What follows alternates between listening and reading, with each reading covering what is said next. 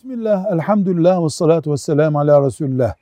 Elektronik posta ile eşine seni boşadım diye mail gönderen bir erkek talak vermiş olur mu? Maalesef vermiş olur. Çünkü artık bütün dünyada insanın noterde beyanı gibi, mahkemede imza atması gibi bir şey oldu elektronik posta ile göndermek. Ancak sonra iddia eder de bu elektronik postayı filanca veya bir bilmediğim kişi benim adıma sahte göndermiş, benimle bir ilgisi yok ve bunu da ispat ederse bu bir şüphe oluşturur. O zaman talak gitmemiştir gibi bir şey söylenebilir. Söz gibi, yazı gibi, imza gibi elektronik imzada bir güç artık. Dolayısıyla onu da talak kabul etmek zorundayız şüpheden kurtulmuş olmak için.